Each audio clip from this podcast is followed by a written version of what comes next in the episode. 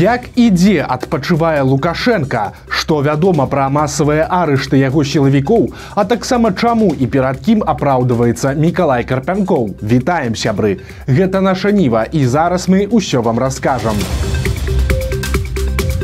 Нечаканы паварот. Беларускія спецслужбы затрымалі некалькі дзясяткаў сваіх жа афіцэраў. Цяпер у Беларусі разгортваецца чарговая гучная крымінальная справа супраць работнікаў лукашэнкаўскай сістэмы.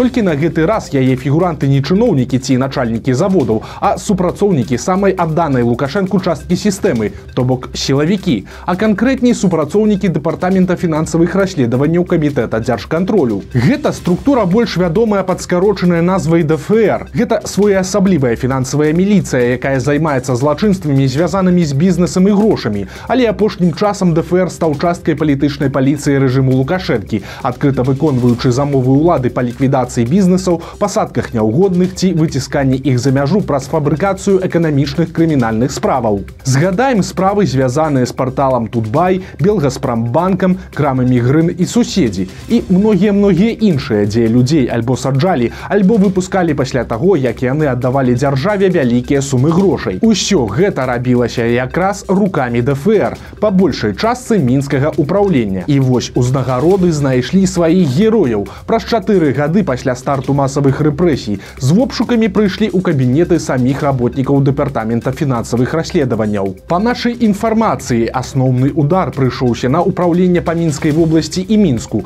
а таксама на цэнтральны апарат ДФР. Ужо некалькі тыдняў КДБ праводзіць арышты афіцэраў дэпартамента дэпартамента агулам затрымалі больш за 20 старшых афіцэраў. А гэта значыць людзі ў сур'ёзных званнях маёры падпалкоўнікі і палкоўнікі. Арышты праходзяць у рамках расследавання спраў па двух крымінальных артыкулах. Гэта атрыманне хабару і перавышэнне службовых паўнамоцтваў. Прычым як кажуць нашы крыніцы пачалося ўсё як звычайна. кДбэшнікі злавілі на хабары аднаго дзеяча з мінскага ўправлення ДФР.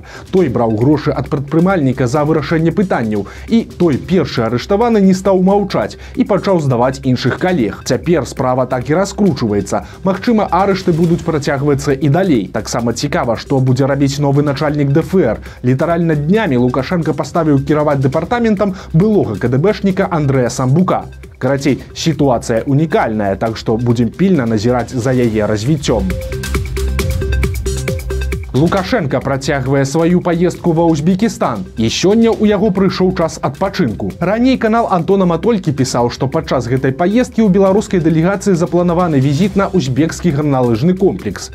Так і адбылося. Разам з прэзідэнтам Узбекістана Лукашенко прыехаў ацаніць гарналыжныя трасы мясцовага комплекса Амірсой. Але пакуль Лукашенко забаўляецца і шукае сяброў у Азіі, яго найбліжэйшыя еўрапейскія суседзі працягваюць адгароджвацца ад Беларусі. Літоўцы паведамілі, што хочуць закрыць яшчэ два прапускныя пункты на мяжы з Беларусю. Улады літвы сцвярджаюць, што гэтыя ініцыятывы накіраваныя на рашэнне праблем нацыянальнай бяспекі, кантрабанды і парушэння міжнародных санкцый. А літоўскі прэзідэнт прэзідэнт наўседа адказваючы на пытанні журналістаў ці не азначае гэта вяртанне жалезнай заслоны адказаў так цытата яна ўжо апусцілася і апусцілася ўсім сваім цяжарам 24 лютага 22 года канец цытаты.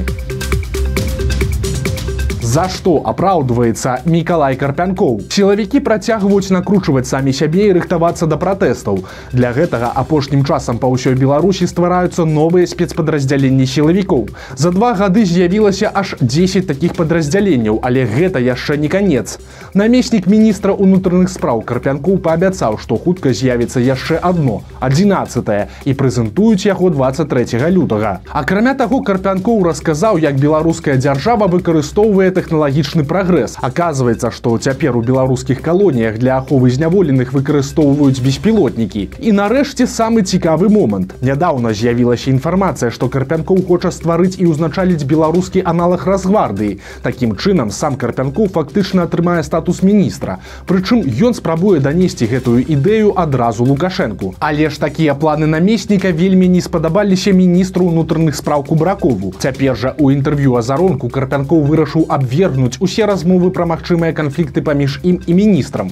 Сілавік аж некалькі хвілін прысвяціў ухваленню свайго начальніка Кубракова і клятвам яму ў вернасці. Вось толькі кавалак з вялікага маналога. Министр внутренних дел – это для меня очень большой начальник, это, получается, министр, это командир, к которому мы относимся с огромным-огромным уважением к боевому генералу, который, скажу так, что, э, ну, очень во многом, очень во многом, получается, э, своими действиями обеспечил победу в 2020 году на улицах города Минска. Очень-очень во многом. Э, и я скажу так, что с огромным уважением внутренние войска к министру внутренних дел. Внутренние войска видят себя только, получается, в системе органов внутренних дел. Никаких разговоров про национальную гвардию, Белгвардию никогда не велось, и только вот в единстве сила. Это на самой справе вельми нетыповая реакция, бо замест звыклых проклёнаў на адрес оппозиции и незалежных медыа Карпянкоў доўга і старанна апраўдваецца. Падобна, што чуткі пра ягоны дэмарш усё ж узніклі не на пустым месцы. Таксама звярніце ўвагу на дэталі гэтага відэа. Карпянкоў стаіць на фоне вялікага плаката з сімволікай спецназа расійскімі сцягамі і лагатыпам вагнераўцаў. А падчас інтэрв'ю некалькі секунд паказваюць шыўрон самого Карпенкова. На ім надпіс група вагнера унутраныя войскі Рэспублікі Беларусь штурмавік. Праўда, найбольш вядомы штурм Миколая Карпянкова мы ўсе добра памятаем. Тады ахвярай сілавіка стала мінская кавярня, дзе мірныя людзі хаваліся ад узброеных дубінкамі губазікаўцаў. Беларускія пенсіянеры працягваюць здзіўляць. Міліцыя расказала пра трагікамічны выпадак. Тэлефонныя махляры развялі чарговую 70гадовую мінчанку. Схема была стандартнай. Наплялі, што ў жанчыны хочуць скрасці грошы, таму фінансы трэба перакласці на бяспечны рахунак. Пенсіянерка пагадзілася, але ж заявіла: сама ў банк не паеду. Дзверы таксама нікому адкрываць не буду. Махляры не разгубіліся і прапанавалі такі варыянт. Да жанчыны прыедзе кур'ер, які скажа кодавае слово. Барыс Борисаўна і тады бабуля скіне яму з балкона пакунак з грашыма. Тут варта адзначыць, што суразмоўцы прадстаўляліся работнікамі вышэй згаданага ДФР. То бок план і так выглядаў максімальна абсурдна, а ўлічваючы, што такую схему прапануюць сілавікі, дык і ўвогуле. Але ж жанчына пагадзілася і калі да яе пад балкон прыехаў 16гадовы кур'ер і крыкнуў барысаўна, яна спакойна скінула яму з балкона больш за 760 тысяч еўра. Як канкрэтна далей развівалася сітуацыя не невядома. Але ж кур'ера затрымала міліцыя, а хлопец расказаў, што вучыцца ў 10 класе і такую падпрацоўку знайшоў у інтэрнэце. Па заданні куратараў ён павінен быў забраць грошы ў пенсіянеркі і пасля перавесці іх на крыптакашалёк. Цяпер тых куратараў шукаюць беларускія следчыя. Начальніца мінскай бальніцы паспрабавала растлумачыць недахоп медыкаў у Беларусі і ў выніку дагаварылася да таго, што малыя зарплаты дактароў гэта вельмі добра. Галоўная доктарка мінскай бальніцы хуткай дапамогі Вольга Святліцкая прызнала праблему з кадрамі і нават прывяла сумныя лічбы. Па яе словах аддзяленні укамплектаваныя дактарамі на 80 процентаў, а малодшым персаналам, то бок санітаркамі толькі на 33 проценты. Але Святліцкая заявіла, што крызіс медыцынскіх кадраў цяпер ёсць ва ўсім свеце, а не толькі ў Беларусі. Таму маўляў, вялікай бяды няма. А што тычыцца невялікіх заробкаў, то на думку святліцкай малыя зарплаты гэта своеасаблівы добрый фильтр. Но э, зато радует то, что тот, кто остается сейчас в медицине, или тот, кто приходит в медицину искренне, да, это вот то поколение или те люди, которые имеют высокую духовность. То есть тот, кто хотел уйти за деньгами, он ушел. А тот, кто остался, как правило, они хотят лечить, они хотят помогать людям. Они стараются. И это тоже, знаете, такой селектор тоже может в чем-то и неплохо Пра памерлых сілавікоў альбо добра, альбо крымінальная справа. Жыхара полацка затрымалі за каментар на адрес начальніка аршанскай міліцыі Сергея Барвянкова. Нагадаем, што барвянкоў раптоўна памёр 4 лютага проста на працоўным месцы. Палачане не стрымаўся недзе ў садсетках і цяпер яго жорстка скруцілі аж 7 міліцыянтаў. Сілавікі прымусілі мужчыну зняцца ў відэа і заявілі, што ён абразіў гонар і годнасць іх памерлага калегі. Калі на затрыманага завядуць за гэта крыміналку, то мужчыну пагражае да трох гадоў калоніі. Сілавікі зладзілі чарговы рэйд у бабруйску. Там яны прыходзілі да людзей, якія раней атрымлівалі адміністрацыйкі за палітыку, а таксама да тых, хто на выбарах двадцатого года быў назіральнікам. Падчас такіх візітаў сілавікі правяраюць у людзей тэлефоны і праводзяць апытанні. Такім чынам яны праверылі ўжо як мінімум 15 чалавек. Ці затрымалі кагосьці, пакуль невядома. Прадвыбарчы крынж альбо рубрика без каментароў. Лукашэнкаўцы працягваюць здымаць бюджэтнікаў у агітках да дэпутацкіх выбараў. Цяпер чарговым відэашэдэўрам адзначыліся работнікі рэчыцкага мецізнага завода. Як атрымалася, паглядзіце і вы. Вы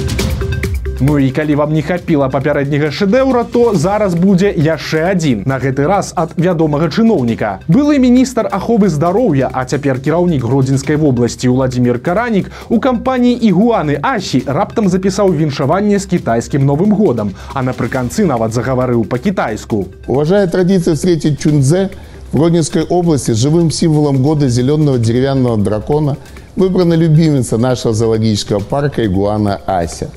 это умное, независимое, доброе и внимательное животное. Уверенное в себе, спокойное, бдительное и быстрое.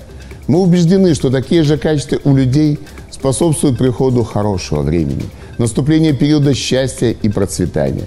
Пусть для вас и всех жителей провинции новая пора будет наполнена мудрыми решениями, перспективными планами, большими успехами и радостными событиями. Сбудутся все мечты и исполнится желание. Мира вам, благополучия, гармонии и любви. Тюнь лай фу дао.